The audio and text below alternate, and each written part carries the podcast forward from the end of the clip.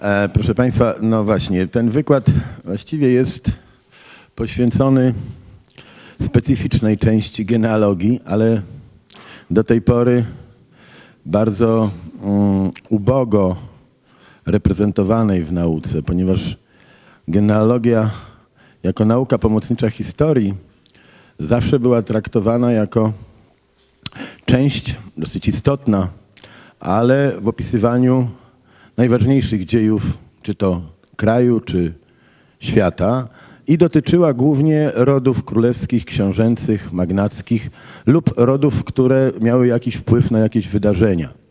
Fascynowaliśmy się wielkimi rodami polskimi, prawda? Wszyscy znamy magnaterię, e, szlachtę i wszyscy wiemy mniej więcej, jak to w tych rodach wyglądało. Do tej pory problemem naszym generalnie i naszych podręczników i historyków, a także naszej kultury jest fakt, że zdominowana, zdominowana jest historia i kultura przez kulturę sarmacką, kulturę szlachecką. E, no bo Rzeczypospolita była e, państwem szlacheckim. Od pewnego momentu oczywiście. Musimy pamiętać, że do XV wieku Rzeczpospolita, właściwie do końca tego wieku XV, Rzeczpospolita była, e, nie była krajem szlacheckim, była krajem zarządzanym przez e, królów, wcześniej książąt, gdzie oczywiście była warstwa szlachty, rycerstwa, natomiast chłopi, kmiecie, mieszczanie, Żydzi byli ludźmi wolnymi. Oczywiście wolny znaczy taki, który w każdej chwili po na przykład spłaceniu jakichś tam zobowiązań wobec... Nie, nie, pańszczyzna to jest późniejszy okres. Ja wszystko Państwu zaraz wytłumaczę. Natomiast y, od XV wieku, kiedy szlachta przestała być już rycerzami, a zaczęła być szlachtą właśnie i jakby głównym jej zajęciem stał się handel i uprawa roli, czyli narodził się folwark, no to wtedy szlachta potrzebowała siły roboczej. Wobec powyższego przy każdej okazji wymoga, były wymogi na królach, tak zwane immunitety albo przywileje szlacheckie, później zwane, aby coraz więcej władzy król oddawał szlachcie. Dotyczyło to zarówno ziemi, własności, ale także i przypisania tej siły roboczej, bez której folwark nie mógł funkcjonować, do ziemi. Do tego, żeby ten chłop, ten kmieć, wolny kmieć, mógł, że tak powiem, był w dyspozycji e, folwarku, zwłaszcza wtedy, kiedy w XVI wieku, a później już, e, ale w XVI otworzyły się rynki, głównie zboże, drzewo, wszystkie materiały związane z drzewem, a więc potasz, a więc e, barć, ale też węgiel drzewny i tak dalej, i tak dalej, czyli szlachta przeradzając się w gospodarzy ziemian, no jakby przez ostatnie 400 lat zdominowała całkowicie kraj. No jak to się skończyło, wszyscy wiemy, bo niestety, ale e, jak to się mówi potocznie, że Rzeczpospolita Szlachecka zbankrutowała. Niekoniecznie to jest prawda, bo to nie taki jest. Natomiast w genealogii rodzinnej jest coś bardzo interesującego dla ludzi zwykłych, bo nie każdy ma, wywodzi się od Lanskorońskich, Czetwertyńskich, czy, czy, czy Radziwiłłów, etc. i tak dalej. Nie każdy, choć ma nazwisko na ski, nie, nie udowodni, że jest szlachcicem. Nie każdy, mm, że tak powiem, y, jakby no, udowodni, że jego pradziad bił pod Grunwaldem, czy, czy, czy bił Turka pod Wiedniem, czy, czy, czy. Natomiast Trzeba pamiętać, że 80% na Mazowszu, a 90% w całym kraju ludzi to byli zwykli ludzie. To byli mieszczanie, to byli chłopi, to byli Żydzi, to byli kupcy, to byli różni koloniści, Olędrzy, e, ludzie, którzy po prostu tutaj przychodzili, wychodzili i o nich tak naprawdę niewiele wiemy, czyli o nas samych. O nas samych, bo e, musimy zdawać sobie sprawę z tego, że Dopiero od XVI wieku, od Soboru Trydenckiego, wprowadzono obowiązek e, odnotowywania zaślubin, potem e, urodzin, znaczy ch- chrztu i potem tak zwanego e, księgi zmarłych, prawda? Czyli dopiero od końca XVI wieku wchodzi w zwyczaj prowadzenie dla wszystkich mieszkańców Polski zapisów kościelnych, metrykalnych, że taki człowiek istniał, wziął ślub i umarł. I od tej pory, czyli mniej więcej od końca XVI, początku XVII wieku, prowadzone były księgi metrykalne e, w parafiach, gdzie obowiązkiem proboszcza było e, prowadzić tego typu zapisy. I to jest jakby źródło pierwsze, podstawowe do tego, że możemy, idąc od, i tu zaczynamy już wykład, od pierwszych kroków, ja nazwałem to siedem pierwszych kroków, zacząć sobie taką historię, przygodę, a nuż uda nam się nawet dojść do tego XVI czy początków XVII wieku. Pierwsze proste to jest drzewo genealogiczne. No drzewo jak wygląda każdy wie, ale na zazwyczaj to są proste ramki, gdzie na początku stawiam siebie jako, jako to się nazywa proband, a, ale po prostu ja. Ponieważ ja jestem i chcę wywieźć swoje, y, skąd ja pochodzę, po co, dlaczego się tu znalazłem, kim była moja mam, mama i tata, wiem, ale ich rodzice, a ich rodzice rodziców i tak dalej. Więc rysuję sobie cztery na przykład pokolenia, bo dlaczego cztery?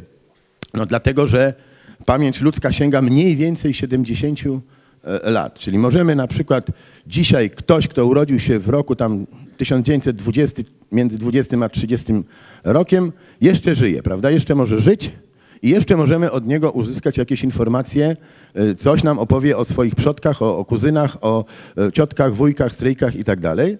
E, Wobec powyższego załóżmy, że to jest, więc teraz wybier, wybieraliśmy już metodę gromadzenia danych, a więc pierwsza rzecz, szukamy w rodzinie kogoś, kto jest najstarszy i kto nie ma sklerozy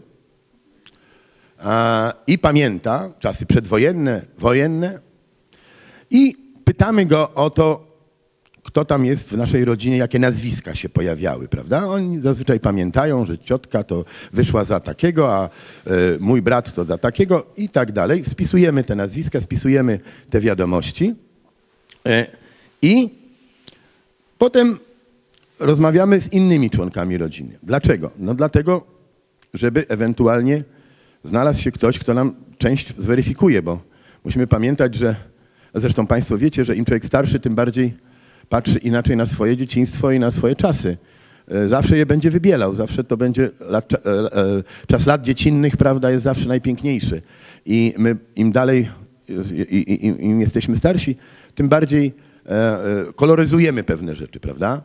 A jeszcze zważywszy, że mm, czasami mylą nam się pojęcia, mylą nam się fakty, mm, próbujemy luki pamięci sami sobie dopisać, prawda? No to jest najważniejsze, żeby była w miarę ciągła narracja, więc jak nam czegoś brakuje, to sobie coś zmyślimy, przecież nikt tego nie zweryfikuje nigdy, prawda? Natomiast w genealogii, no niestety, zasada jest bardzo prosta. Musi być e, wiarygodne, żebyśmy wiedzieli na przykład, że ktoś był, nie wiem, właścicielem jakiegoś gospodarstwa albo jakiejś tam dworu, albo, albo na przykład był, miał taki zawód, albo, no to musimy to sprawdzić, być pewni, że to jest prawda, prawda? Bo, bo, bo... No i oczywiście od tego służą nam dzisiaj na szczęście e, internet. Dzisiaj na szczęście internet, ponieważ e, od pewnego czasu jest program, e, rządowy program, finansowany oczywiście z pieniędzy też Unii Europejskiej, który digitalizuje zbiory. To znaczy e, przetwarza je cyfrowo w ten sposób, że wszystkie akty można udostępniać już te powyżej e, od 100 lat mniej więcej. Księgi parafialne to jest taka granica, to jest 100 lat, chociaż różnie to bywa w różnych e, tych, bo jakby do 100 lat to jeszcze są dane chronione, wrażliwe, mogą być, albo, ale no i oczywiście też księgi grodzkie, księgi ziemskie, wszystko to mm, jest na przykład w stronach archiwum akt dawnych, akt nowych, na stronach IPN-u teraz się pojawia wiele informacji, aczkolwiek to dotyczy lat e, już współczesnych, powiedzmy sobie, no XX wieku, to już nie jest taki współczesny.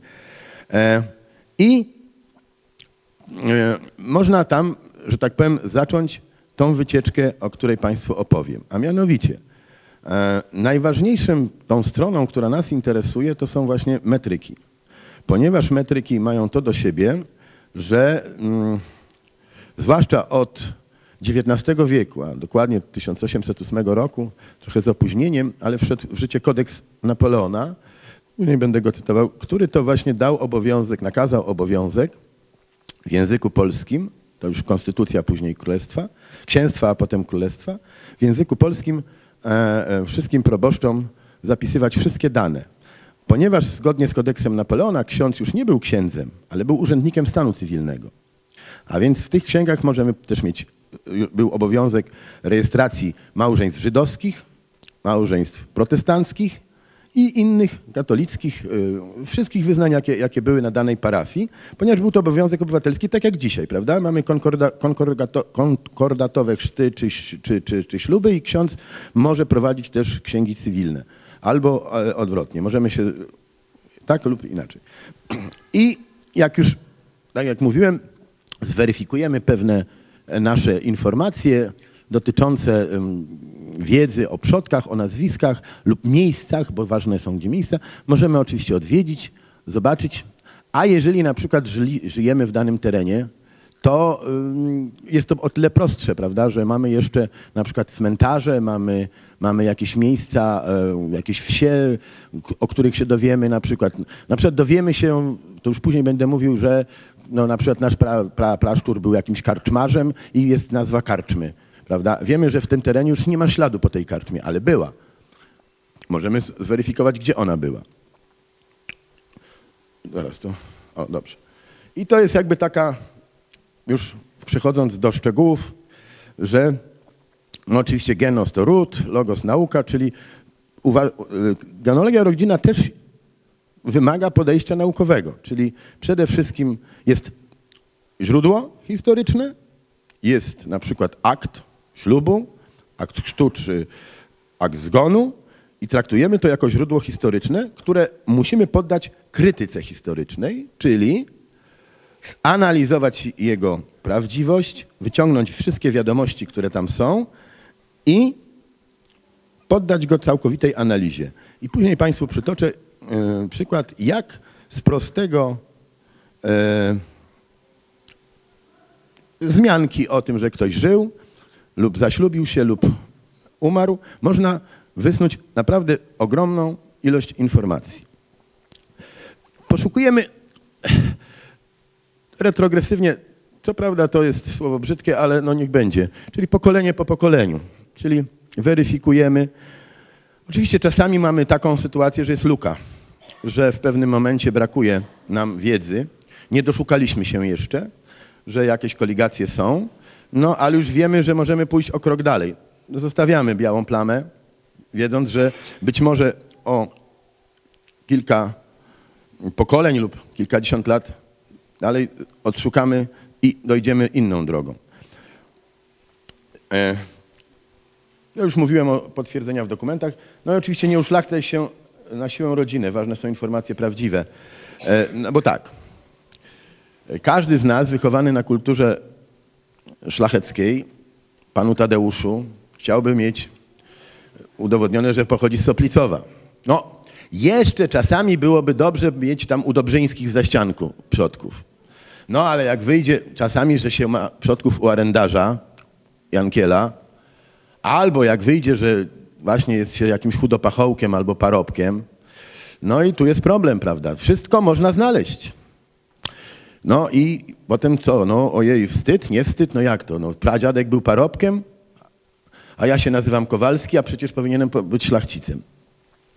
No wobec powyższego, mm, później Państwu pokażę, że to wcale nie jest wszystko takie jednoznaczne, ponieważ tak naprawdę mm, historia Polski ma to do siebie, że jest to jedyny taki kraj, w którym na przykład, jeśli chodzi o Mazowsze, bo tym się głównie interesuje, no 27% populacji w XVI, XVI wieku już, a w XV-XVI to była szlachta. 27%. Nie 10, tak jak w całej Rzeczypospolitej. To, to było bardzo duży odsetek. Była to szlachta mazowiecka, szlachta podstawowa, zwa- zwana z tego, że była szlachtą biedną, no, w porównaniu z szlachtą e, na przykład podolską czy wołyńską, prawda?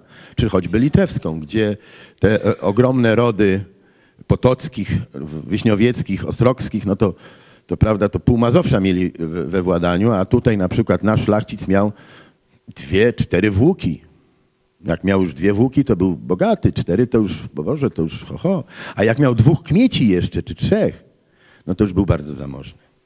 Zazwyczaj mm, już w XVI wieku miał jeszcze kawałek udziału we wsi, bo było na przykład, załóżmy, Kowalskich, no wieś szlachecka, składająca się kiedyś, mająca 20 włók, czyli e, 20, no 300 hektarów, ponad 300 hektarów, 350 tam hektarów. No ale w ciągu 100 lat tych Kowalskich się tam namnożyło, podzielili sobie te włości. Wszyscy byli szlachtą, wszyscy mieli przodka, mm, pradziada, wszyscy mieli nawet udokumentowane w jakichś tam spisach i tak dalej. No ale e, właściwie już nie mieli ani kmiecia, ani nikogo, sami pracowali. Ich jedyną e, przewagą było to, że mieli świadomość tego, że wywodzą się ze szlachty i że troszeczkę inaczej byli ubrani. Ale już na przykład później i chałupa bogatego gospodarza była czasami o wiele, e, że tak powiem, zamożniejsza i u niego na przykład dwóch, trzech parobków pracowało, a szlachcic, mimo że był szlachcic, że tak powiem, mm, no, do kościoła buty zakładał przed drzwiami w kościele, prawda, bo, bo, bo bosso chodził. E, Taka, taka była rzeczywistość. Mm, I to, jak mówię, prawda jest inna troszeczkę niż te nasze wyobrażenia, no bo one były, jak mówią Sienkiewicz, ku pokrzepieniu serc, prawda? Pan Tadeusz, ostatni zajazd na Litwie, czy nad Niemnem, czy, czy, czy inne, cała trylogia, no to jest w okresie, kiedy, kiedy walczyliśmy o swoją tożsamość. No żeby, żeby przetrwać, musieliśmy zbudować sobie taką e, quasi e, świadomość kulturową, prawda? Czyli nawiązywać do tych wszystkich wydarzeń, które w historii Polski miały, były oparte o rycerstwo i o szlachtę.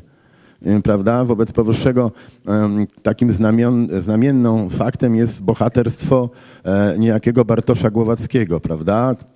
który został uszlachcony, był chłopem, a że zatkał ląd armaty czapką chłopską, dostał Głowacki się nazywać, prawda? I to miało być tak. Potem, jak Państwo pamiętacie, pod koniec XIX wieku, właściwie do, do, do, do, do czasów współczesnych, ni z gruszki, ni z pietruszki, przepraszam za takie brzydkie słowo, na każdej wsi prawie był kościuszko.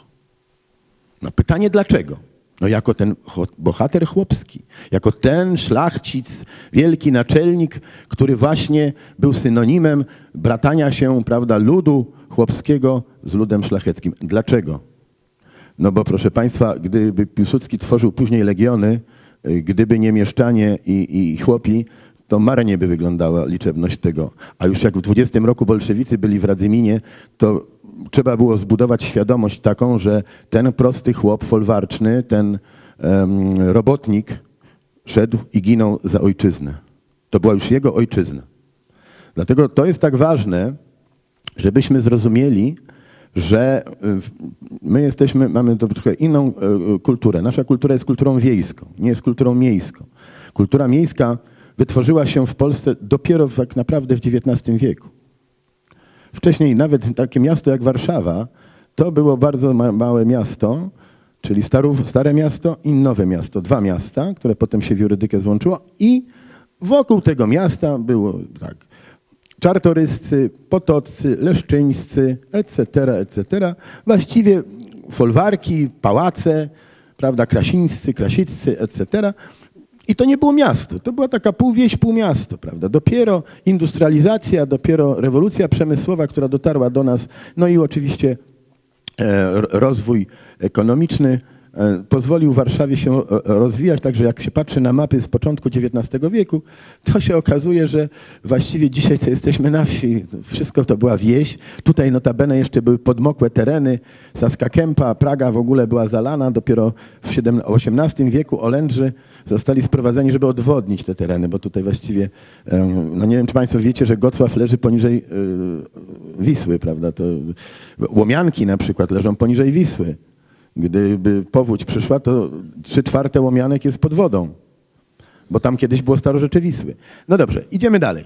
Jak już przeszliśmy pierwszą e, etap, no to idziemy dalej.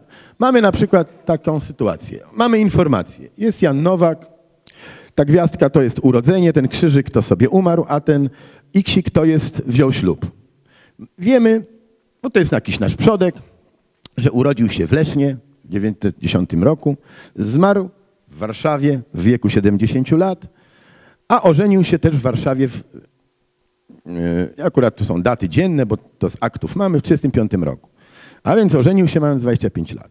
No i co z tego możemy wiedzieć? Z prostego rzeczy. Jak zaczniemy studiować te akty, mamy taką. Urodził się w Lesznie. Leszno to jest miejscowość, z której ja pochodzę, więc jakby dlatego to użyłem. I przeniósł się do Warszawy, gdzie zmarł. A zatem wiemy, gdzie szukać informacji dotyczących dnia chrztu, kim byli jego rodzice chrzestni, pochodzenie tych rodziców, kto, kto był, e, że tak powiem, jego ojcem, matką, matka z jakiej rodziny pochodziła, bo w akcie chrzcielnym wszystko to ksiądz, czy e, organista, czy ktoś tam był na podorędziu, musiał e, zapisać. Wiemy, że brał ślub w Warszawie, odnajdziemy akt ślubu, dowiadujemy się, kim była panna młoda, z jakiej rodziny pochodziła i ile miała lat. Oczywiście też z jakiej parafii, bo ksiądz musiał zapytać się, jak, jak była na przykład przyjezdna, wysłać pismo do, do parafii, z której wchodziła, potwierdzić, że ona była chrzczona. No bo inaczej ślubu nie mógł dać, prawda? To musiał wiedzieć, więc zapisywał na przykład, że panna z parafii takiej i takiej, e, na przykład, że już rodzice nie żyją, albo ojciec żyje, czy matka żyje, a, albo że żyją. Dowiemy się właśnie, czym byli, zajmowali i idziemy dalej. Już jesteśmy na przykład w trzech miejscach, prawda? Jesteśmy w Warszawie, kiedy oni biorą ślub. E, jesteśmy w gminie, w parafii, z której pochodzi panna młoda i z parafii, z której pochodzi Jan. A więc już musimy w trzech miejscach szukać informacji, e, czyli wiemy gdzieś mniej więcej, gdzie nasi protoplaści e, się obracali, czyli linia żeńska, linia męska. I zazwyczaj jeszcze przy ślubie to są świadkowie, prawda?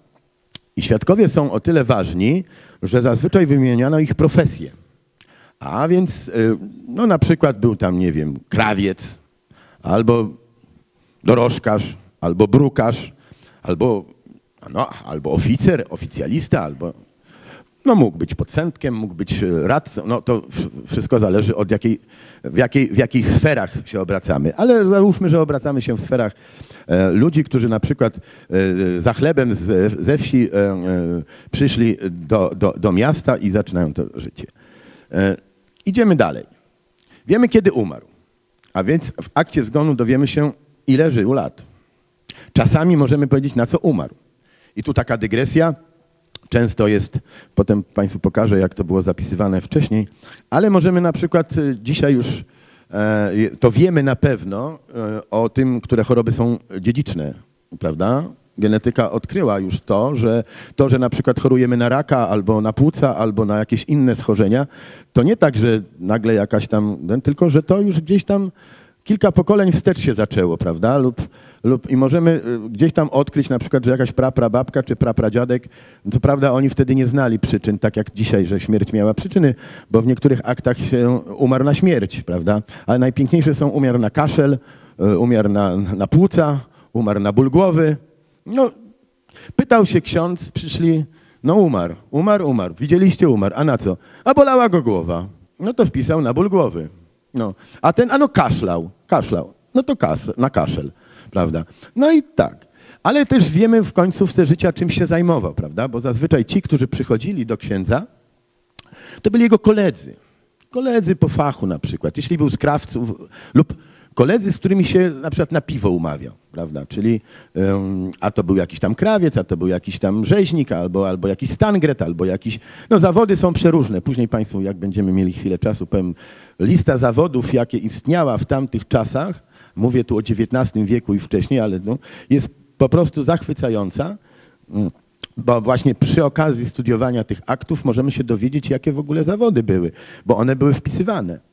No i taka jedna informacja daje nam bardzo dużo informacji z kolei e, e, innych, bo czasami w akcie zgonu e, na przykład, bo świadkowie przychodzili i mówili tak, no dnia tego i tego, do godziny tej i tej zmarł Jan Kowalski, prawda?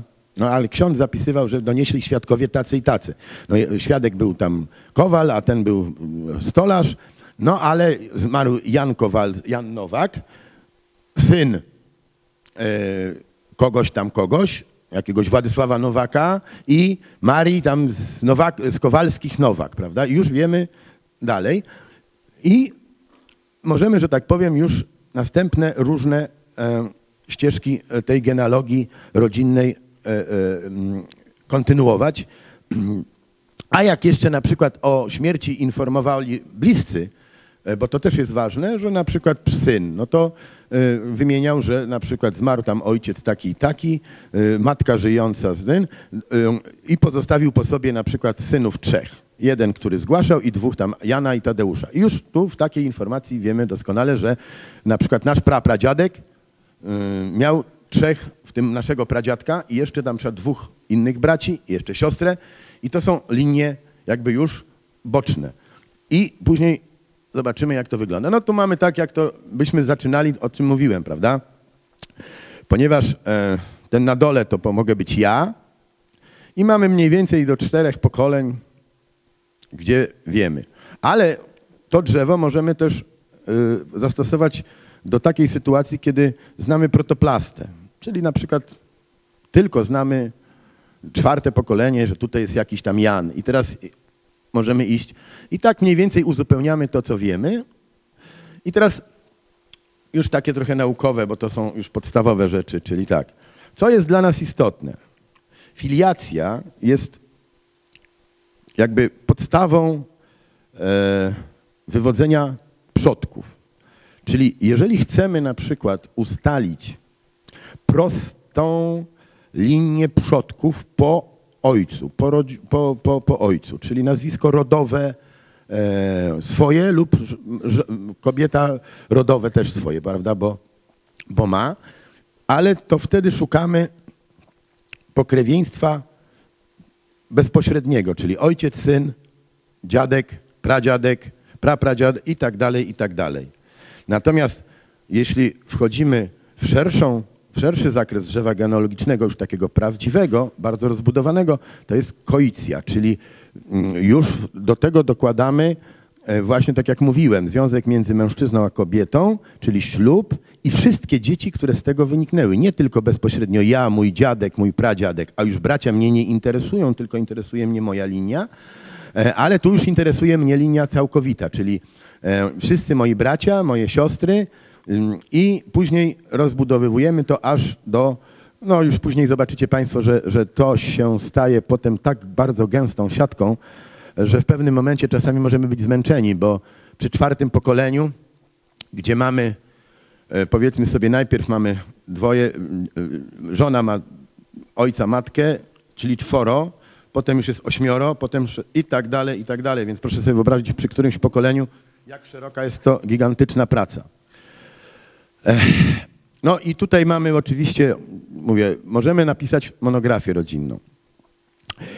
Monografia rodzinna to już jest coś, co pozwala nam e, opisać dzieje rodu nie w postaci prostej, a więc zwykłego wywodzenia przodków lub mm, potomków, ale napisać historię rodziny. Do tego potrzebne są większe informacje, a więc na przykład zdjęcia, odznaczenia, pamiętniki, listy, wszelka pozostałość jeżeli istnieją jakieś domy, na przykład, nie wiem, dowiedzieliśmy, dowiedzieliśmy się, że na przykład ten staw tu na tej wsi wykopał mój pra, pra, pradziadek, a tutaj na przykład jakieś drzewo, to, to drzewo, czy kamień postawił jako granicę na polu, albo e, jeszcze inne rzeczy, no na przykład można się wiele innych rzeczy dowiedzieć, takich, o których przed ja się dowiedziałem, Nigdy bym nie przypuszczał, że, że, że, moi przodkowie e, różne rzeczy robili. Później powiem Państwu o co chodzi. Z, z aktu y, urodzenia czy zgonu. To bardzo Prosta sprawa.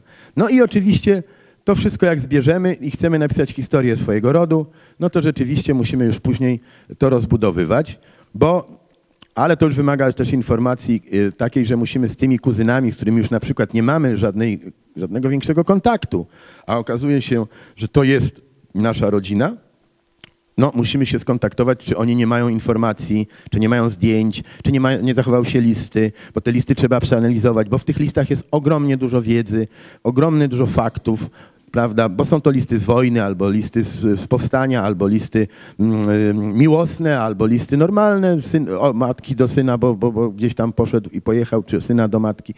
I to często w naszych gdzieś tam papierach jest, albo gdzieś w rodzinie jest. Problem z tym, że nie zawsze są opisane te rzeczy. I to jest problem, bo już na przykład umiera nam ostatni z rodu, e, on jeszcze pamiętał. Spojrzał na zdjęcie i mówi, o to ciocia Basia, a to wujek Janek. Ale my już nie wiemy. Jak nie ma opisane, to już dla nas są to obce, obce twarze. Czasami oczywiście y, ro, ro, rody mają, rodziny mają jakieś znaki szczególne, ale to rzadko, prawda? Gdzie na zdjęciu można to obejrzeć, ale nie ma. No w każdym razie i to jest podstawa. Zawsze zaczynamy przekazanej wiedzy przez najbliższych. I to jest, proszę Państwa, y, jakby pierwsza część. A to jest adres strony, która nas, że tak powiem, przeniesie w obszar właśnie tej pięknej wyobraźni dotyczącej jak, przepraszam, jak żyli, czym się zajmowali, kim byli, na co umierali, z kim się żenili, jak wyglądało ich życie. I jak już przejdziemy, to potem mamy taką właśnie tablicę genealogiczną, wywód przodków. I to jest jakby pewna technika naukowa. To, to już tak, tak, tak to trzeba na razie robić, tak jak mówiłem. Proszę zauważyć, probant to jesteśmy my, czyli ten, kto jest zainteresowany e, dowiedzeniem się więcej o swoich przodkach. Czyli ojciec, matka, rodzice, dziadek ojczysty, babka ojczysta. Z tym, że ojciec, linia męska zawsze jest na górze, linia żeńska zawsze jest na dole. Nie dlatego, że żeby, tylko po prostu jest, pamiętajcie, że to jest wywód przodków. Czyli tutaj linia męska jest ważniejsza, bo nazwisko. Ród. Ale już proszę zobaczyć, w trzecim pokoleniu jest 15 osób. Bo dziadek miał też y, ojca i matkę. I babka też miała ojca i matkę. I tak dalej, i tak dalej. A w następnych, więc to jest jakby ta pierwsza rzecz. Do tej, to jest dosyć łatwe.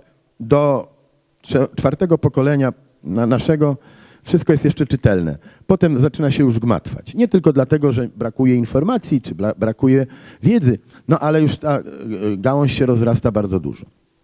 To już jak Państwu mówiłem, że mm, w księstwie warszawskim, tak jak mówię, dlaczego te akty są digitalizowane od 1808 roku w sposób e, czytelny, dlatego że wtedy zaczęło się stosować, ja Państwu pokażę później jak to wygląda, stosować właśnie to, co tu jest napisane, że wszystkie rzeczy były istotne. Nawet jest napisane, na, e, że e, na wsi zmarł, pod którym numerem domu. Co jest niebagatelne, proszę Państwa. Bo jeśli na przykład jest napisane, że nasz dziadek zmarł pod numerem pierwszym, to co to oznacza? Ale proszę Pani, właśnie dlaczego był pierwszy w tej wsi? Proszę Państwa, zazwyczaj numer jeden przypisywany był do, do dworu. Dwór był pod numerem jeden. Ale jeśli to była wieś, załóżmy szlachecka, ale obok był folwark i dwór był w folwarku, to folwark był zupełnie inną e, jednostką administracyjną, bo tam w folwarku mieszkał dziedzic, szlachcic z rodziną, ale też owczarz, ogrodnik, e, służba, etc., etc. Wieś była jego własnością dziedziczną, ale, ale ktoś, kto miał numer pierwszy, był kimś, kto podpisał kontrakt na założenie tej wsi. I dlatego na tej wsi miał chałupę numer jeden, bo od niego zaczęło się naznaczanie. Ja później Państwu wytłumaczę, na czym to polegało. To bardzo piękna sprawa, bo wyobraźmy sobie, że zakładanie wsi to było wymierzanie wsi, wymierzanie drogi. To była albo ulicówka, albo, albo dwurzędówka, jednorzędówka. To są wszystko bardzo istotne rzeczy. No, dwurzędówka to po obu stronach chałupy, jednorzędówka to po jednej stronie chałupy i to wszystko było istotne. Tam był ogromny porządek i ład. Pierwszy to był ten, który dostawał na przykład zazwyczaj nawet dwa łany dostawał, czyli 30 kilka hektarów, ale jego obowiązkiem było ściągać następnych. I wyznaczać im już połanie, czyli po 34, 35 hektarów i na przykład numer jeden, numer dwa, numer trzy. A w dalszych częściach, jak się już patrzy, to już te, na przykład wieś, która miała na przykład 10 dymów, czyli 10 chałup na początku, już za 20-30 lat ma 30 dymów. To znaczy, że tam się nic nie zmieniło, tylko oprócz tego, że się podzieliły. Czyli już na przykład protoplasta, który miał 35 hektarów, zazwyczaj w aktach już jest odpisywany jako komornik. A wiecie Państwo dlaczego? No bo jeżeli oddał majątek synom, to u najstarszego siedzi na komorze. Tak jak to bywa i dzisiaj. Rodzice, którzy odpisują, tylko dzisiaj mają e, e, tą emeryturę z KRUS-u czy z ZUS-u, a wtedy nie było emerytur. Wobec powyższego najstarszy dostawał gospodarstwo po ojcu w zamian za obowiązek, że tamten ojciec sobie dożyje. No czasami było tak, że ojciec sobie wy, wy, zostawiał kawałek chałupy albo jakąś małą chałupkę z ogródkiem i wtedy go się nazywało ogrodziarz. No ogrodziarz, no bo lub zagrodnik. No to więcej troszeczkę. Zagrodnik miał małą zagrodę. No krówka, świnka i, i warzywnik, prawda? No po co więcej? Pieniędzy nie potrzeba było za dużo. Nie było w ogóle potrzeby takiej, tylko chodziło o to, żeby mieć co jeść. E, I to wszystko jest zapisane w, e, dzięki temu, dlatego te informacje są istotne. Tu Sobór Trydencki, jak Państwu mówiłem, bo o ile XIX wiek i początki XX i współczesność jest o wiele prostsza, e, to o wiele więcej trudności będziemy mieli przy księgach metrykalnych czy księgach innego rodzaju, do, 18, do XIX wieku, gdzie pisano po łacinie. Pisano ręcznie, też był porządek pewien, no ale tam już jest bardziej, jak ktoś nie zna łaciny, to y, musi niestety, y, ale o tym jeszcze później. No i oczywiście dalsze poszukiwania, jak już przeszliśmy metryki, już wiemy mniej więcej, doszliśmy na przykład do piątego czy ósmego pokolenia, mamy już wiedzę na temat tego, ale jeśli chcielibyśmy więcej, no to już są już bardziej takie profesjonalne rzeczy, a więc no to już są archiwa, cmentarze, miejsca odnalezione w dokumentach, bo czasami w listach czy gdzieś tam jakieś wspomnienia, że tam ktoś skądś pochodzi.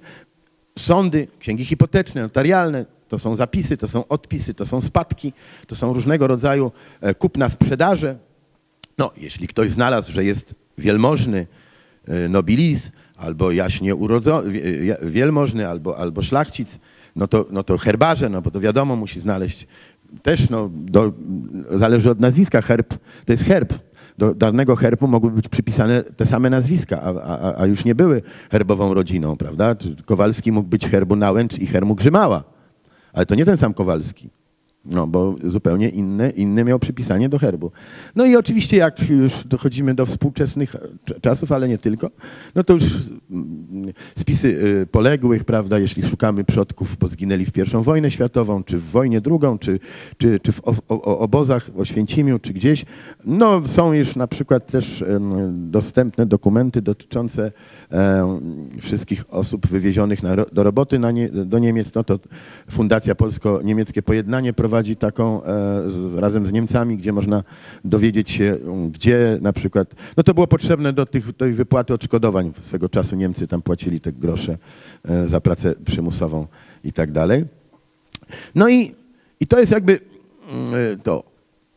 Przydatne strony internetowe, tutaj wymieniłem Państwu takie, które są ważne. Oczywiście, jak mówię, są profesjonalne strony internetowe genealogów, to jest najbardziej popularna chyba jest Minakowski, Miniakowski i Ornatowski, e, no i Stankiewicz. To są trzech facetów, którzy po prostu robią. Tylko, że oni to robią już profesjonalnie, jak ktoś zleci, Minakowski może to zrobić, 50 zł chyba kosztuje, czy 80 zł e, i on przygotuje takie drzewo we własnym zakresie.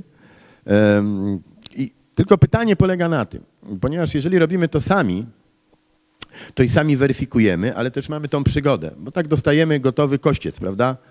I wiemy, tylko co my wiemy? No nic nie wiemy, bo wiemy na przykład o naszym ojcu, o naszym dziadku, bo go jeszcze pamiętamy. Ale jak dostaniemy suche fakty, że tam Kazimierz ożenił się z Katarzyną, mieli trzech synów, Janek, Franek i Józek i tak dalej, to też nic nie wiemy. Fajnie jest powiesić sobie na ścianę, no ale ale to nic nie znamy. I to są jakby te, które możemy em, zaczynać. Te, które pokazałem wcześniej, były najważniejsze. To metryki PL, genealodzy, czyli indeksacja metryk. No i tutaj mamy już jakby takie pojęcia definicyjne fachowo, prawda, to już rodowód, wywód y, z tablicy descendentów, czyli potomków, no i ascendentów, czyli tych, którzy są przodkami. Proszę Państwa, a teraz taka dygresja. Jak Państwo wiecie, dlaczego w ogóle warto to, e, tym się zajmować? Bo powinienem od początku, ale teraz powiem. Otóż jak Państwo wiecie, nasza kultura mm, jest oparta na genealogii. Proszę sobie popatrzeć, od czego zaczyna się Biblia. Od genealogii, od Adama do Noego, od Noego do Abrahama, od Abrahama do Dawida, od Dawida do Chrystusa. Więc jakby genealogia, a głównie potomko, przodkowie, czyli ta linia męska jest bardzo istotna. I tak, naz- ta, zresztą to jest też w kulturze żydowskiej, w kulturze arabskiej, no i w kulturze chrześcijańskiej bardzo istotne, e, bo jak pamiętacie Państwo, w, w, Starym, w Nowym Testamencie też jest rodowód Jezusa, prawda? Czyli jakby udowodnienie, e, że On jest królem żydowskim, potomkiem króla Dawida. Trzeba było to udowodnić. Udowodnić, no jak można było? Poprzez genealogię. A jak genealogia? No przez, był synem tego, tego, tego, tego, tego. I każdy z nas w jakiś sposób jest nawet, powiem tak, nawet jest dobrze przyjęte, yy, żeby no coś wiedzieć o, swoim, o swoich dziadkach, pradziadkach, o, o losach swojej rodziny, zwłaszcza u nas po tych burzliwych czasach, gdzie jak Państwo wiecie, e, no, dwie trzecie terytorium Rzeczypospolitej, e, pierwszej Rzeczypospolitej jest poza krajem. Nie należy dzisiaj do Polski, a e, historia mm, jest taka, że tam Polaków, Polacy żyli przez kilkaset lat. Tam wiele osób, głównie ci z Gdańska, ci z Wrocławia, znaczy z okolic tak zwanych ziem odzyskanych, to ich rodowód jest właśnie tam, dzisiaj na Białorusi, Litwie, Estonii, Łotwie i tak dalej, i tak dalej. Część emigrowała i to też jest ważne, bo na przykład jest, są, są e, e, też strony amerykańskie, które informują e, o tym, kto kiedy wyjechał, zwłaszcza XIX wiek i tak dalej. A to są już rzeczy, jak będziecie Państwo poszukiwać, ważne. I teraz, proszę Państwa, inna kategoria, bo to są księgi grodzkie i ziemskie. To już jest kategoria o wiele starsza. Przechodzimy jakby do okresu i tutaj niestety dotyczy to tylko większości, ale nie, nie wszystko, głównie osób e, pochodzenia szlacheckiego. Dlaczego? Dlatego, że no, oni głównie posiadali własność, prawda? Więc wszystkie e, zapisy testamentalne, spadki, podziały sądowe, no to one dotyczyły posesjonatów, a więc tych, którzy posiadali jakieś nieruchomości. Ale trzeba pamiętać, że zakaz skupowania gruntów przez mieszczan to dopiero początek XVI wieku. A wcześniej y, mieszczanie, kmiecie mogli obracać swobodnie swoimi gruntami, a mogli nawet, y, mieli tak zwaną na Mazowszu prawie rękojmię, czyli generalnie mogli się przenosić gdzie chcąc, nawet nie, że nie mieli własności, a ja udowodnił, nie, udowodniłem, że mieli własność, kmiecie normalnie mieli część wsi, e, byli tak zwana klasa sołtysów, czyli zasadźców, którzy normalnie mieli po dwie włóki e, i te dwie włóki z ojca na syna dziedziczone były. Oni byli wolni, oni byli normalnie na równi traktowani jak posesjonaci, jak szlachcice. Mazowsze jest zresztą specyficzne pod tym kątem. E, I tak, proszę Państwa, w tych księgach możemy odnaleźć wiele rzeczy. Jeszcze mamy materiały urzędowe, to są akta grodzkie, ziemskie, atlasy historyczne, biografie, diariusze, listy absolwentów szkół, słowniki, tabele miast, wsi, tabele herbowe, wykazy urzędowe, zbiory nazwisk szlachty, na przykład ten Boniecki, czy Niesiecki, czy inni mają tutaj e, tak zwane herbarze, tam mnóstwo nazwisk można odnaleźć, ale samo nazwisko nic nie mówi. Bo skąd my wiemy, że na przykład, y, tak jak tutaj y, nazwisko mm, Kowalski, to jest ten Kowalski, którego wymienia akurat Niesiecki czy Boniecki. Tego nie wiemy. Musimy dopiero właśnie przejść przez tą bajkę pod tytułem sprawdzanie w różnych aktach, księgach, żeby y, odnaleźć, to jest właśnie ten. I jak już mówiłem do Księgi Ochrzczonych, to tutaj jest dokładnie napisane, jak to, jak to, jak to, jak to wy- wynika, co tam było napisane. Często też jest, proszę Państwa, tak, że tego proszę że w aktach jest napisane, że na przykład rodzice przy ślubie na przykład, albo i przy zgonie, że świadkowie czy, czy, czy, czy państwo młodzi nie umiejący pisać. To jest rzeczywiście problem. Analfabetyzm e, e, wśród chłopów czy wśród mieszczan był mniejszy. Mieszczanie nie. Zazwyczaj najlepiej radzili sobie z tym Żydzi, no i oczywiście e, szlachta, ta bardziej zamożna. Ale już szlachta biedna, chodaczkowa albo ta włókowa, czy półwłókowa, czy nawet be, bez, bez majątku, nie umiała pisać tak samo. E, więc, y, a często też bywa tak, że po prostu e, ten, który wypełniał akt, właściwie robił to formalnie. Po prostu robił to po, y, po wizycie, czyli no już nie było komu podpisać, więc napisał, że byli niepiśmienni po prostu, prawda? No co, co miał napisać? No nie, nie będzie ich wołał z powrotem, żeby podpisali akt.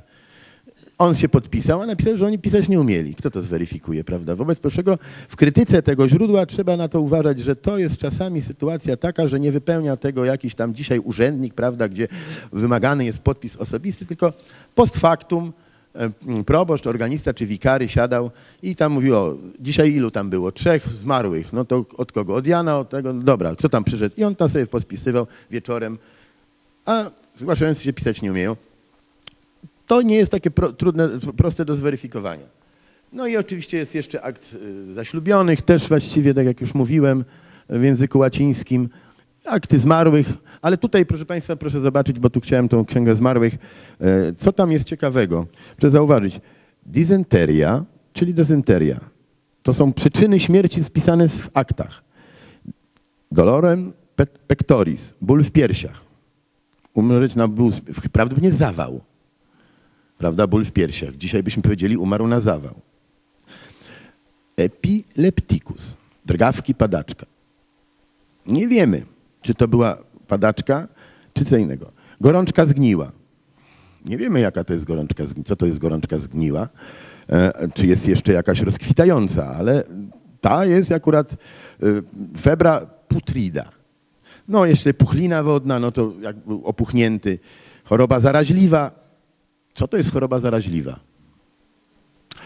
Ospa może być, cholera, nie wiem, dżuma. Cholera, choroba zaraźliwa, albo się mówiło tak, a na co on zmarł? A panie zaraził się i zmarł na chorobę zaraźliwą. No już jak już jest y, gruźlica, no to było jasne. jasne. Kiedyś mówiono galopowe suchoty. Czyli dlaczego? No bo w galopie się czyli galopowe suchoty. No i oczywiście jakaś dusznica też, ten, albo na przykład pustulis suffocates, bąblamy winiszczony. Strasznie musiał męczyć się, cierpieć taki człowiek, że tak go te bąble wyniszczyły. No. no i to mniej więcej jest. A teraz, proszę Państwa, jak czasami brakuje nam informacji, nie możemy w aktach znaleźć, w internecie, no to możemy tutaj przykłady, bo oczywiście obowiązkiem e, osób, które, instytucji, które posiadają akta, jest je udostępnić. Mi- Mikrofilmy, e, kopie oczywiście są odpłatne w jakimś tam znaczeniu, niewiele, ale tu mamy na przykład do Urzędu Stanu Cywilnego. Taka, prawda, i że pradziadka mojego zmarłego w latach, bo nie wiem do końca, i skrócony akt małżeństwa siostry prababki na przykład, znaczek skarbowy i tak dalej. Tu mamy na przykład do Państwowego Archiwum w Białymstoku, czy w Łowiczu, czy gdzieś tam, prawda, bo tam na przykład wiemy, że e, pra, prababka stamtąd się wywodziła, ale nie będziemy tam jechać, możemy wysłać takie pismo i powinni nam odpis z tego e, dać. No, do Archiwum Głównych, do Centralnego Archiwum Wojskowego, spraw administracyjnych też i wewnętrznych, bo na przykład jeśli chodzi o losy właśnie głównie w poległych czy zaginionych, głównie II wojna światowa, e, ale też lata powojenne, to też jest można e, i też powinni udzielić Polski Czerwony Krzyż, no i e- ewentualnie też do proboszcza, prawda, bo jeżeli na przykład brakuje nam jakiegoś aktu albo dotyczy to naszego przodka, a, a, a je- jeszcze nie są to e, archiwizowane akta, czyli jeszcze są przechowywane e, w parafii, e, no to albo pojedziemy, albo wyślemy do księdza, żeby nam odpis przysłał. I on powinien to uczynić, bo jak, tak jak mówię, te wszystkie metryki są dokumentem ścisłego zarachowania, to są archiwalia. On, obowiązują go tak jak urzędnika państwowego wszystkie, wszystkie, wszystkie zasady. No to jeszcze raz powtórzymy, ascendenci, przodkowie, descendenci, potomkowie, proband to my, miecz, kądziela, krewni. To są jakby te rzeczy podstawowe, które nas w genealogii interesują. Ale no to mówię, to już, to, to, to może teraz tak. Proszę Państwa, zaraz, zanim y, zacznę, to jeszcze Państwu chciałem coś pokazać. I teraz powiem, jak to jest istotne. Na przykład, ja się tym kiepsko posługuję, więc o. pokażę Panu, na, Państwu na przykład z, ze swojego własnego podwórka. Tu F5 się mówi, tak? tak? Nie. I coś mi nie działa. Tu po- powiększę. Proszę Państwa, tak jak mówiłem na początku, tak wygląda. Oj, coś po, po, po tego, przepraszam. Muszę to powiększyć. O. Jakbyśmy to czytali, to powiem Państwu, co oczywiście jest najważniejsze. Dzisiaj komputer jest istotny, ale elementem dobrego geologa, genealoga jest posiadanie takiego urządzenia. To jest lupa. Dlatego, że e, pisane było to ręcznie, bardzo nieczytelnie czasami. Czasami zależy od proboszcza, od, od kogo kto wypisywał, prawda? Jedni mieli tak zwany charakter pisma ładny, kaligrafia, drudzy gorszy. Ale chciałem Państwu powiedzieć tak. Na przykładzie takiego tej sytuacji. Otóż szukając swoich przodków, dochodzę do pewnej momentu, no i nagle się okazuje, że mój pra, pra, pradziadek jest parobkiem. Ale, no to straszne. Jak to? Przecież miał być szlachcicem. A on ra- parobkiem jest. No jak to możliwe? No ale to jest nie takie do końca pewne, bo okazuje się, że jest parobkiem u gospodarza, w gospodarstwie, na służbie. I żeni się, a, jest napisane, że on nazywa się, Mikołaj Gąsiński i żeni się z jego córką, Gąsińską. No to jak to? Parobek się żeni z córką gospodarza? To coś nie tak. Nie da, nie, nie da bardzo możliwe. No ale może się zdarzyło i to już skandal, no zaszła w ciążę, no to ojciec machnął ręką, dobra, no silny, zdrowy, to jakoś tam damy radę, no. Ale nie, patrzymy dalej, dziecko rodzi się po roku, czyli po Bożemu, czyli po ślubie, a więc, ale przy urodzeniu któregoś dziecka on już się tytułuje gospodarz, już nie parobek, gospodarz. To oznacza, ni mniej, ni więcej, i to potem już oczywiście wiedza dodatkowa, historyczna mówi, że no normalne, tak jak zawsze było. Syn gospodarski często był oddawany do kuzynostwa lub do innych, do sąsiadów, do, na, na praktykę. On tam służył, uczył się gospodarowania. Dlaczego? Bo we własnym gospodarstwie miał jeszcze braci, którzy już, że tak powiem, ci najstarsi, no dla niego już tam roboty nie było. Szedł do gospodarza, tu się pisze za parobka, on po prostu praktykował, pracował, ale że był z gospodarskiego rodu, no to mógł się ożenić z córką gospodarza. I już założyli nowe gospodarstwo i już jego, już nie był parobkiem, tylko gospodarzem, prawda? I na przykładzie tego samego Piotra przychodzi pewien rok 60, umiera mu żona i żeni się jeszcze raz. I w tym akcie ślubu on już nie jest gospodarz, nie jest, on jest dziad kościelny. No mówię, Boże, już gorzej być nie może. No co to znaczy dziad kościelny? No dziad kościelny, no. Oczywiście dzisiaj to jest kościelny, jest taki zawód, prawda? No ale dlaczego on się zrobił tym dziadem kościelnym, no? Y, A no właśnie dlatego, że odpisał swoje gospodarstwo, a że ożenił się z młodszą os- o- od siebie kobitką. Dzieci nie za bardzo akceptowały tego układu. No i jeszcze ojciec by sobie tam mógł pożyć, ale po co nam ta baba w, tej, w tym gospodarstwie? Jeszcze jedna miska do, do tego? To nie. No i był zmuszony utrzymać żonę, zatrudniając się jako dziad kościelny. A więc jeden prosta historia i mówi, w jednym życiu był parobkiem, gospodarzem, dziadem kościelnym, prawda, i tak dalej. I niby nic wielkiego, ale jak możemy dużo wyczytać sobie z historii i dobudować, prawda, jak to, jak to bywało. Dlaczego na, najpierw był parobkiem, ale żeby było jeszcze śmieszniej, e, analizując swój teren, swoją rodzinę, e, a mieszkam, e, bo muszę Państwu powiedzieć, że Mazowsze to jest taka specyficzna kraina, a głównie tutaj w ziemia, dawna ziemia warszawska, część Sochaczewskiej i Czerska, gdzie gdzieś mniej więcej od XV wieku, od końca najazdów e, Litwinów, e, Jadźwingów, Prusów, później Krzyżaków, e, był pokój. Do, po, do czasów potopu szwedzkiego właściwie to była enklawa, gdzie tu nikt się nie pałętał. To było najbezpieczniejsze miejsce w całej Rzeczypospolitej.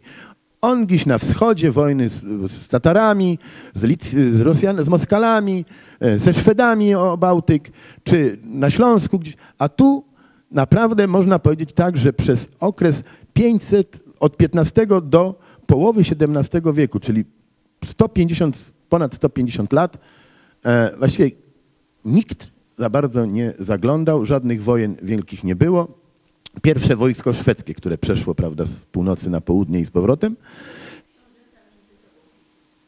Od 15...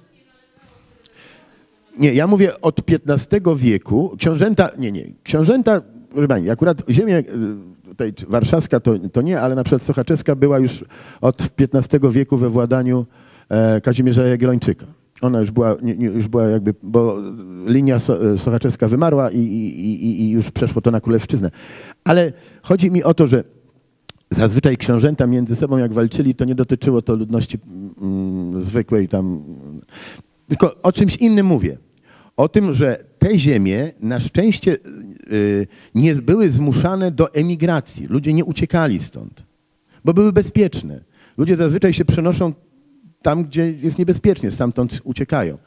Tutaj można założyć, że rody i szlacheckie, i kmiece, i mieszczańskie, i do XIX wieku, do początków XX wieku żydowskie, były osiedlone na stałe. Od początku, jak tylko, że tak powiem, sięga pamięć nasza.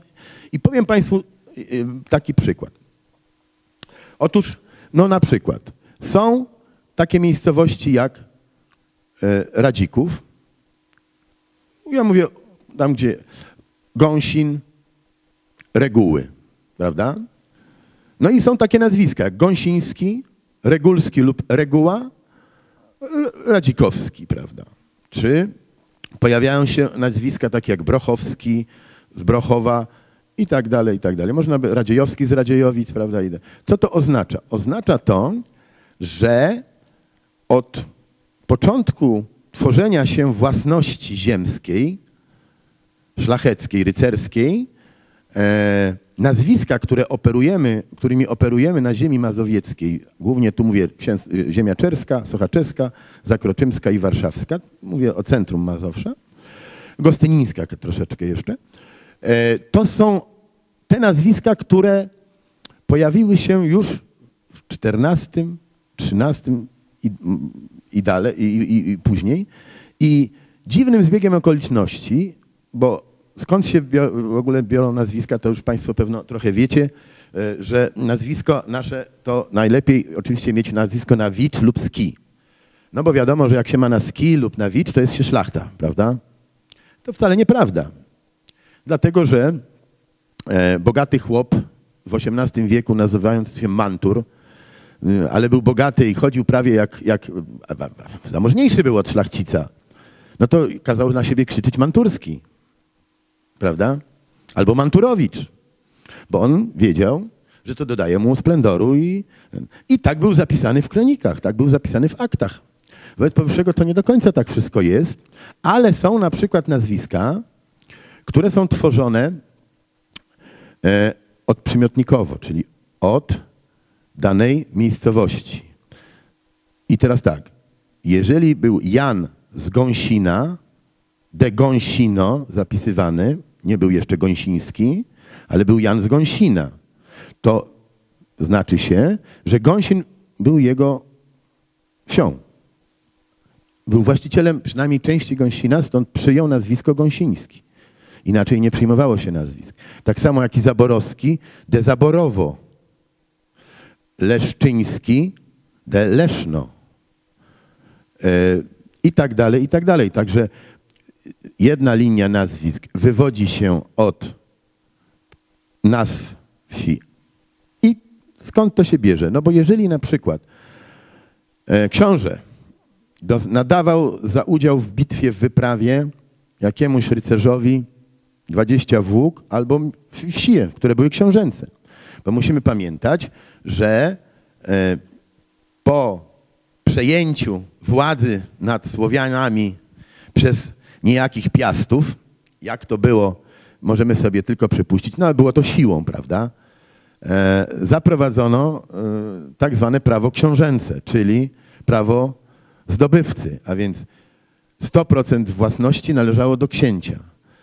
Książę był władcą wszystkiego i wszystko, co było, było jego własnością. To w ogóle nie było nic e, wspólnego z tak zwaną własnością opolską, czyli prasłowiańską, gdzie gromada i wieś to była, to, poszczególne gromady, poszczególne rody tworzyły wspólnoty, które nazywały się opola, które były e, zupełnie niezależne, oparte na więziach rodzinnych, właśnie przodków, ro, e, braci i, i, i rodzeństwa ale jak oni zostali podbici przez piastów, stąd pierwszy, który się z tego wyłamał, jak Państwo już z historii powszechnej wiecie, zawsze był Kościół, prawda?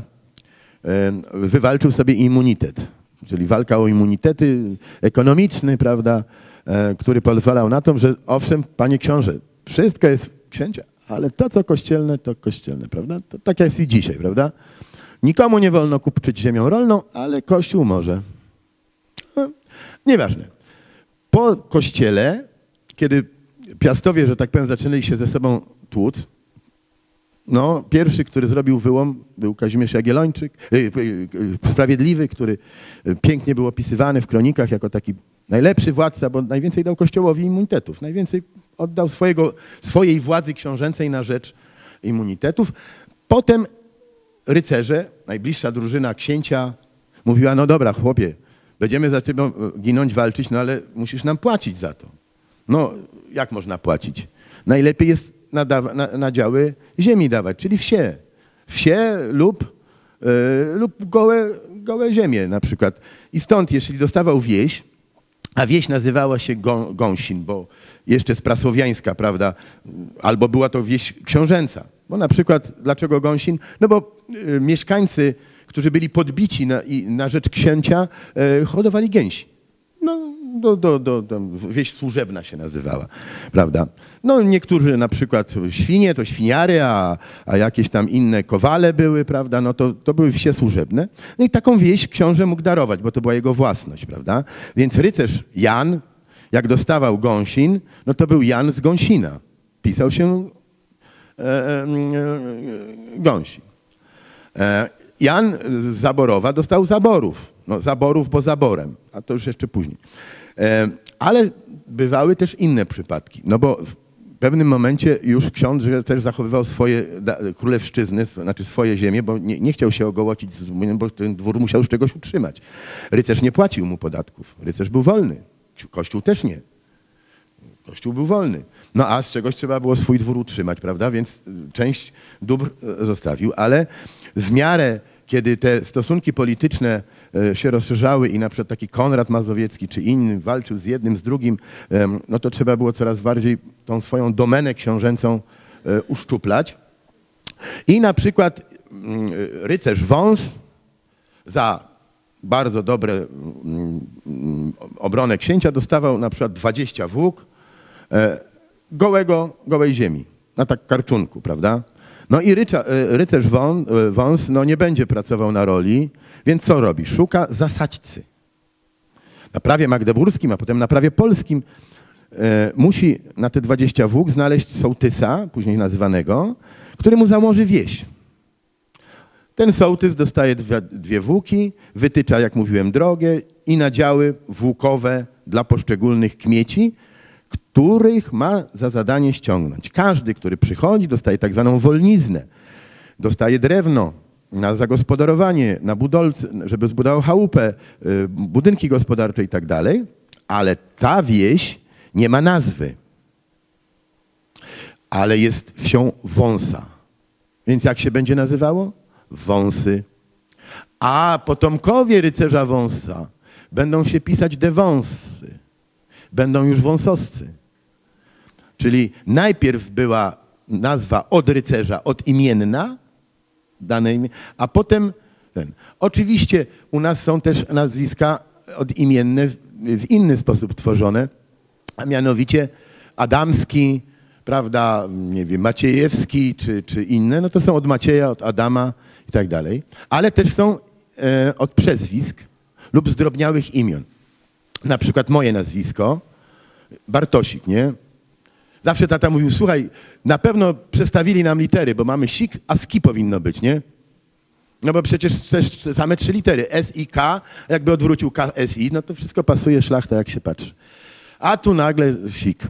No ale skąd takie nazwiska? Chudzik, Augustik, Bartosik. Nie są to nazwiska, proszę Państwa. One później stały się nazwiskami, ale w pierwej były to przezwiska.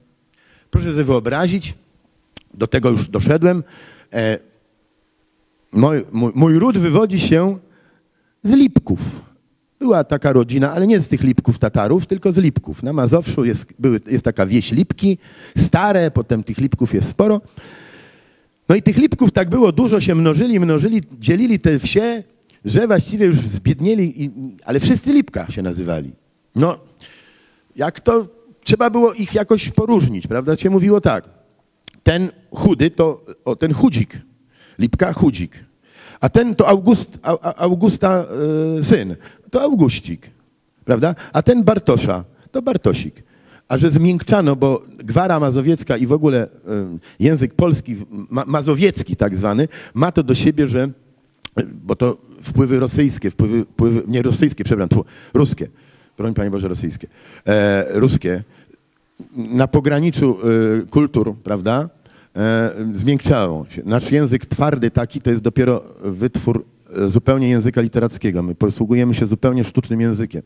Państwo wiecie, że e, już jeszcze górale troszeczkę mają, Kaszubi, troszeczkę Ślązacy, no troszeczkę północne Mazowsze, bo oni nie, ma, nie wymawiają e, prawda? Ale my tu wokół Warszawy wszyscy, którzy mamy już język literacki. Natomiast ten język, on był zmiękczany. Ale mówię, skąd się nazwisko wzięło? No więc od Bartosia. I teraz okazuje się, że w rodzie Lipków rzeczywiście do dzisiaj istnieją dwa rodzaje. Jest Lipka Bartosik i, Lip, i Bartosik. A dlaczego Lipka Bartosik y, jest, a, a drugi człon, druga gałąź wzięła tylko Bartosik? Z bardzo prostej przyczyny. Ponieważ ci, co zostali tam i do dzisiaj mieszkają, noszą nazwisko Lipka Bartosik, bo takich zawsze wszyscy pisali. Bo Lipka był tam jakby protoplastą. Wszyscy wiedzieli, że to są lipki. A Bartosik wiedzieli to przezwisko. Ksiądz pisał już, żeby rozróżnić, bo jak w akcie pisał na przykład, nie wiem, Jan Lipka yy, i drugi Jan Lipka, bo okazało się, no to dwóch Janów Lipka, no nie za bardzo wiadomo, ale jak do, dołożył Augustików, a ten Bartosik, no to już wiadomo było, że to są inne Lipki. A druga część, kiedy na przykład, bo to zazwyczaj tak bywało, e, część tej szlachty już miała na tyle mało do, y, własności, że najbogatszy z rodu, ten, który najlepiej sobie radził, zazwyczaj odkup, wykupywał te części, żeby mieć większy majątek. No i sprzedawał swój udział, na przykład już pozostał po ojcu, czy tam po, po, po dziadzie. Brał trochę kasy i dowiadywał się, gdzie, w którym momencie, bo ród jednak był, oni się spotykali na zjazdach jakichś rodzinnych szlacht, że na przykład w okolicy tej i tej e, zamożny jakiś tam dziedzic, tak jak w moim przypadku na przykład Orsetti, y, nie Orsetti, Wilksycki kupił zaborówek. A on pochodził z Psar. No jak kupił ten zaborówek, no to szukał oficjalistów, szukał tak zwaną obsługę tego, tego całego interesu. No i zazwyczaj byli to ludzie, szlachta, która już nie miała majątku i zatrudniała się jako a to włodarz a to ekonom, a to pisarz, No, takie funkcje jakby ten. Stąd e, często bywało tak, że po prostu jakby mm, na wsi te kategorie e, ludności były bardzo, bardzo e, pomieszane i na przykład wiele osób, które wywodzą, później uchodziły za chłopów, tak naprawdę może mieć korzenie szlacheckie. I na przykład e, stąd gąsińscy. Gąsińscy do dzisiaj mieszkają gdzieś tam w okolicach i w Warszawie i wokół Pruszkowa. I wszystko wskazuje na to, że już w XV wieku w księgach grodzkich pisali się jako gąsińscy. Czyli już byli, już byli tutejsi. I nigdy stąd nie odeszli. Nigdy. Zostali do dzisiaj. Tak samo jak i, no inna, inna na przykład jest taka rzecz, że Mikołaj Reguła, rektor Akademii Krakowskiej w XV wieku, właściwie na początku XVI kupuje reguły. On się nie nazywa e, Mikołaj, znaczy on się nazywa Mikołaj Reguły, jest mieszczaninem z Krakowa i kupuje wieś, którą nazwano Reguły. I od tego pochodzą regulscy. Ale to już jest później. E, I tak jak mówię, z tych aktów, z tych danych możemy naprawdę wysnuć o, o, ogromną ilość e, materiału, wiedzy, z której możemy napisać następnie monografię rodzinną, a nawet, e, że tak powiem, em, e, jeżeli mamy, jeżeli mamy taką, taką, taką chęć, opisać też dzieje swojej miejscowości poprzez pryzmat swojej rodziny, co jest bardzo fajne, bo opisujemy jednocześnie dzieje swojej rodziny, swoich przodków, ale odnajdujemy na przykład też powiązania inne. Zwłaszcza kiedy wchodzimy już do koligacji tak dalekich, gdzie się okazuje, że na wsiach, gdzie mieszkają do dzisiaj te same rody i te same nazwiska, e, okazuje się, że 60-70% to rodzina. Tylko już nie, nie utrzymuje ze sobą kontaktów, ale jak sięgniemy, to, to są wszystko spokrewnieni, spokrewnieni ludzie. Stąd e, powstawały takie, no, do XIX wieku, do końca XIX wieku, ponieważ przełomem w tych wszystkich sielankach, proszę Państwa, był okres powstania styczniowego i e, okres uwłaszczenia, tak zwane uwłaszczenia chłopów. Nas wszystkich w podręcznikach uczy się, że uwłaszczenie chłopów to był wielki dar od cara dla tych biednych y, chłopów. I proszę Państwa, nic, nic gorszego. To wszystko jest oczywiście klas, e, historia tak zwana klasowa, socjalistyczna, gdzie musiała znaleźć walkę klas, prawda? No, jakieś tam klasy musiały być. E, A klasy, no to wiadomo, robotnicy, chłopi kontra e, krwiopijcy, i przemysłowcy, no i Żydzi.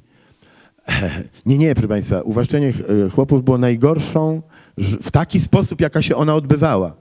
Najgorszą rzeczą, jaka mogła być dla, dla wsi polskiej. Bo oto, tak jak Państwu przed chwilą tłumaczyłem, na przykładzie mojego pradziada, prawda? Urodził, y, był jako parobek, potem był gospodarz, potem był dziad kościelny. I wyobraźcie sobie taką sytuację, że właśnie jest 1864 rokiem, on jest dziadem kościelnym, nie ma nic. No i został uwłaszczony, ale na czym? A ci zagrodnicy, a ci, co, y, y, cała, co nie mieli nic, nie dostali nic. Dostał tylko ten, kto posiadał w dniu uwłaszczenia chłopów. Czyli bogaty gospodarz był bogatym, bo dostał, miał włókę, miał dziedziczną włókę. Ale y, sąsiad, który powiedzmy sobie miał tam, dzierżawił od, od, od wcześniej od dziedzica y, za tą pańszczyznę, czy za, za, za czynsz nawet, nie wiem, dw- trzy hektary, dostawał trzy hektary. W ten, ale co było gorsza? Od tej pory opieka dworu nad wsią własną, bo wieś już nie przestała być dworska, już nie była własnością dziedzica. To nie byli jego ludzie, bo do tej pory stosunki były bardzo proste. Nie mam, zachorowała mi żona, idę do dworu, dostaję lekarza. Potrzeb, spaliła mi się chałupa, idę do dworu, dostaję drzewo. E, mm, potrzebuję czegoś, dwór ma obowiązek, ponieważ są to stosunki patrymonialne, patriarchalne, a więc on jest ojcem, on, on odpowiada przed prawem, ale też i przed, przed okolicą za to, że musi się opiekować swoimi włościanami, swoimi kmieciami. W potrzebie trzeba im pomóc. Co więcej, e, lasy są dworskie, no i dziedzic daje zgodę na to, że trzeba wyciąć drzewo, ale za darmo, bo, budować chałupę czy oborę, bo się spaliła.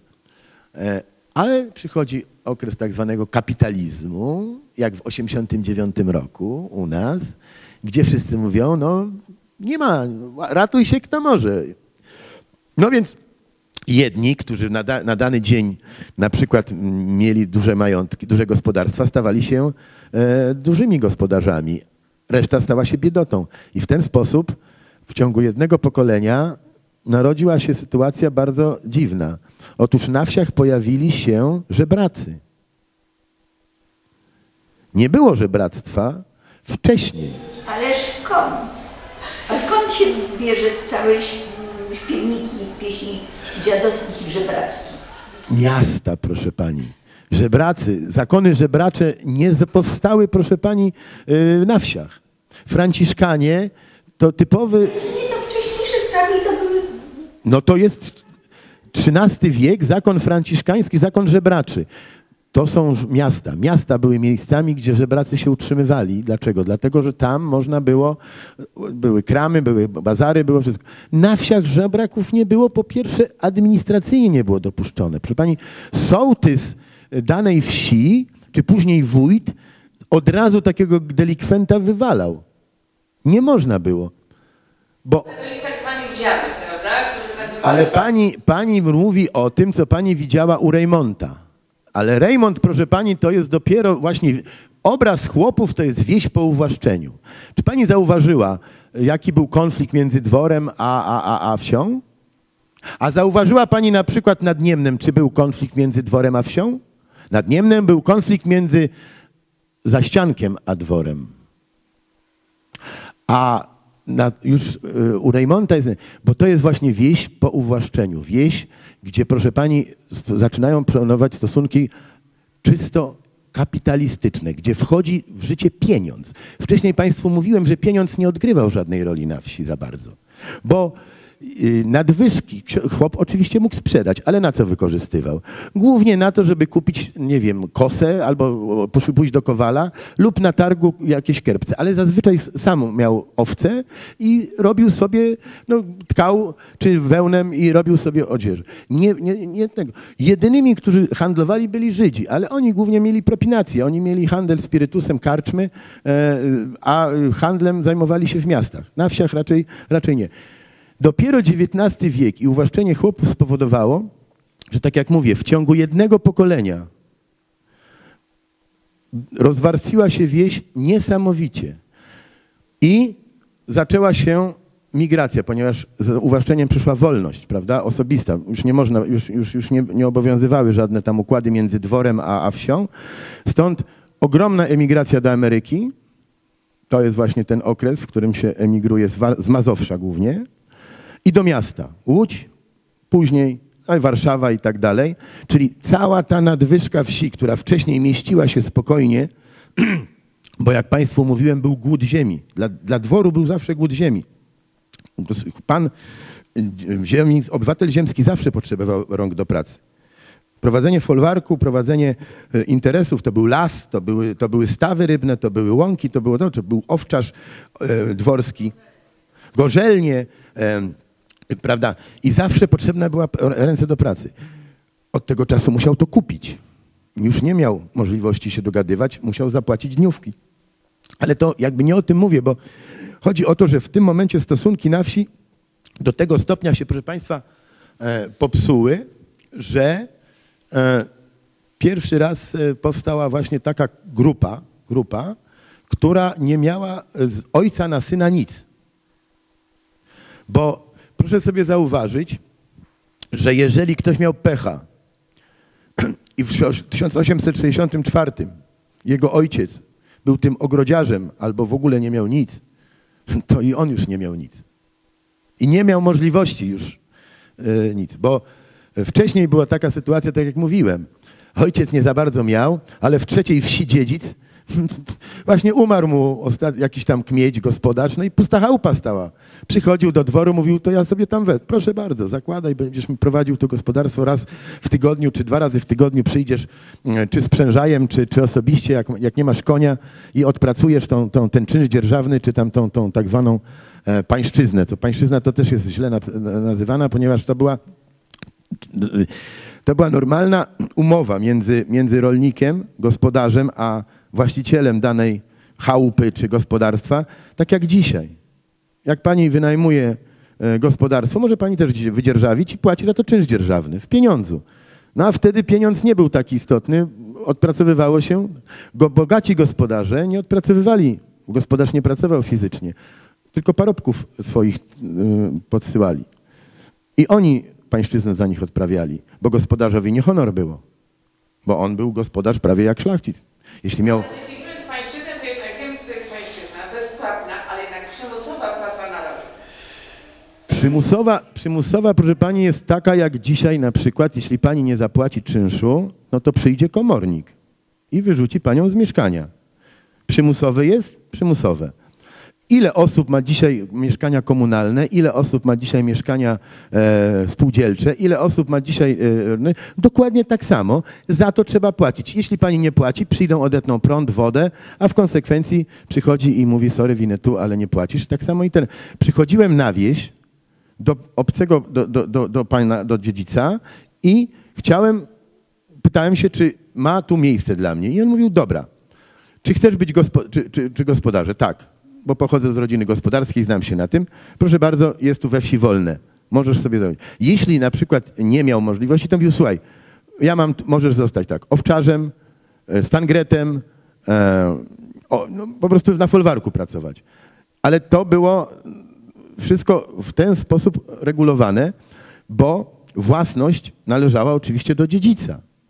Natomiast te dzierżawy, o których mówi, one były w zasadzie dziedziczne. Nie wiem, czy pani wie, że na przykład, jak mówiłem, jeżeli moi przodkowie w jednej wsi mieszkali 200 lat, zakładam sobie, że nie, było ich, nie, nie, nie byli właścicielami tych, tego gospodarstwa, ale proszę zauważyć, że mogli je dzielić dla swoich synów. A było to cały czas jeszcze mm, dworskie. Czyli co?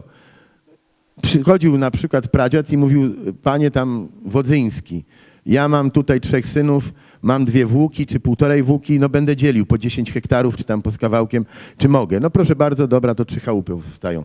Bo dla dziedzica nie było to znaczenia. Oni i tak mu płacili. W, w, była taka sytuacja, że na przykład byli tak zwani rolnicy czynszowi.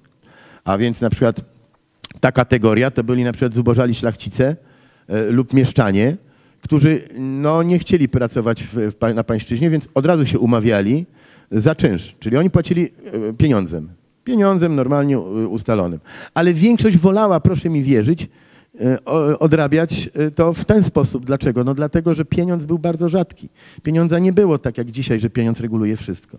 Wobec powyższego te stosunki są bardzo skomplikowane i jak będziemy patrzeć na to wszystko e, z punktu widzenia właśnie aktów, gdzie tam jest wszystko zapisane, to zobaczymy, jak to się zmieniało. Ja Państwu powiem taką historię. Otóż e, pod koniec XIX wieku, e, proszę zauważyć, e,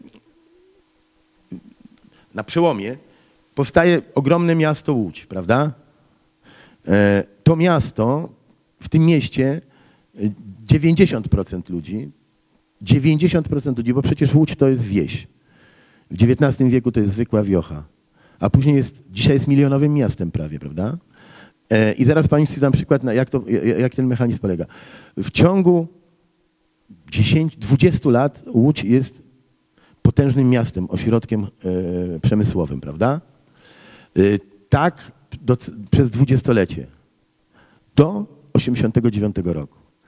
Nagle po upadku przemysłu odzieżowego Łódź się wyludnia. Około 300 tysięcy ludzi uciekło z Łodzi. I dalej będzie się wyludniać, no chyba, że znajdą jakieś pomysły. No, dlaczego? No wie pani, ale, ale przemysłu nadal nie odbudowała. Na, na samej administracji i na sklepach nie da się e, e, rozbudować miasta. Miasto to jest e, industrializacja, miasto to jest, uprzem, to, jest, to, jest to są to, ten, to nie jest Warszawa stolica. Miasto musi powstać. Proszę zauważyć, jak powstawał Centralny Okręg Przemysłowy. Na wsiach. Ja nie wiem jak powstało, na pewno. Natomiast chyba zmieniamy temat. Okej, nie dogadamy się. Nie, nie no bo mówimy tak, no, No dobrze, już...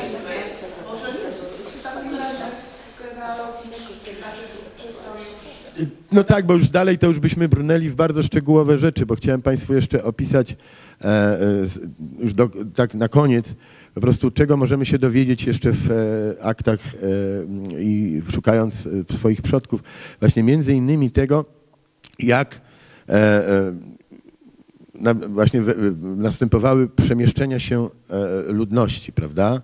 Jak poprzez e, rozwój e, na przykład miast ludzie ze wsi przenosili się do miasta i dlaczego? Dlaczego na przykład emigrowano do Warszawy? Jak na przykład zmieniała się cała struktura, ale to są już bardzo poważne sprawy i wymagające dłuższej tematy. Tylko Państwu powiem tyle. Otóż, na, na, na, już, już kończąc, e, do tej pory, do, gdzieś do XVII, do XVI wieku, do kiedy Warszawa nie została stolicą Polski, cała, e, cały rozwój ziem następował między północą a południem. Wszystkie szlaki handlowe główne to było spław do Gdańska z południa. I na przykład takie ośrodki jak Płock, Czerwińsk, Zakroczym czy Sochaczew, no wcześniej Czersk, one były położone właśnie przy szlakach wodnych, które spławiały wszystko do Gdańska. Z chwilą, kiedy na przykład y, przeniesiono stolicę do Warszawy, a z drugiej strony stała się ona e, miejscem sejmów walnych koronnych i wszystkich urzędów centralnych, nagle się okazało, że szlaki handlowe z tych najbliższych miejsc okolic Warszawy przeniosły się do Warszawy. I na przykład taki Sochaczew czy Płock nagle stanął w miejscu. Choć przecież wcześniej był o wiele bardziej prężnym ośrodkiem e, miejskim niż Warszawa. Na przykład szlaki handlowe, e, które były e, na północ, czyli przez Wisłę do Czerska, z Czerska Wisłą, albo przez e, Bzurę, albo przez Mrowę, czyli Utratę, czy, czy, ponieważ szło wszystko tam. Później okoliczna szlachta, okolicznie mm, e, e, ludność już nie musiała, już o wiele bardziej atrakcyjna stała się Warszawa. Tutaj zaczęło nadwyżki handlowe, tutaj można było, tu byli kupcy zbożowi, tutaj już załatwiały się interesy, którzy już, i na właśnie taką historię wąsowskich, ale już nie ma na to czasu, jak e, na przykład szlachta stała się kupcami do dzisiaj, znaczy już dzisiaj nie, ale jeszcze w początkach XX wieku e, nie chcieli już być szlachtą. Oni woleli być już kupcami warszawskimi. Dlaczego? Dlatego, że handlowali zbożem. Skupywali od wszystkich okolicznych włościan, chłop, y, dworów, ładowali na statki, wieźli do Gdańska i y, ten. Albo na przykład jak powstawały e, fortuny, powiedzmy sobie, fortuny to za dużo powiedziane, ale, ale jest taka rodzina Szymanowskich, ona właśnie jest, była w Lesznie. Ona się wzbogaciła na wycinaniu Puszczy Kampinoskiej. A dlaczego? No dlatego, że sosna kampinoska okazała się najlepszym drzewem na maszty, ponieważ rośnie wysoko i nie ma sęków, nie ma, nie ma e, tych, tych, rośnie w ten sposób i jest bardzo żywiczna. Wobec powyższego wycinanie sosny, spławianie do Gdańska i do Anglii. Też, no ale ja mówię o naszych ziemiach tutaj, bo jakby nie...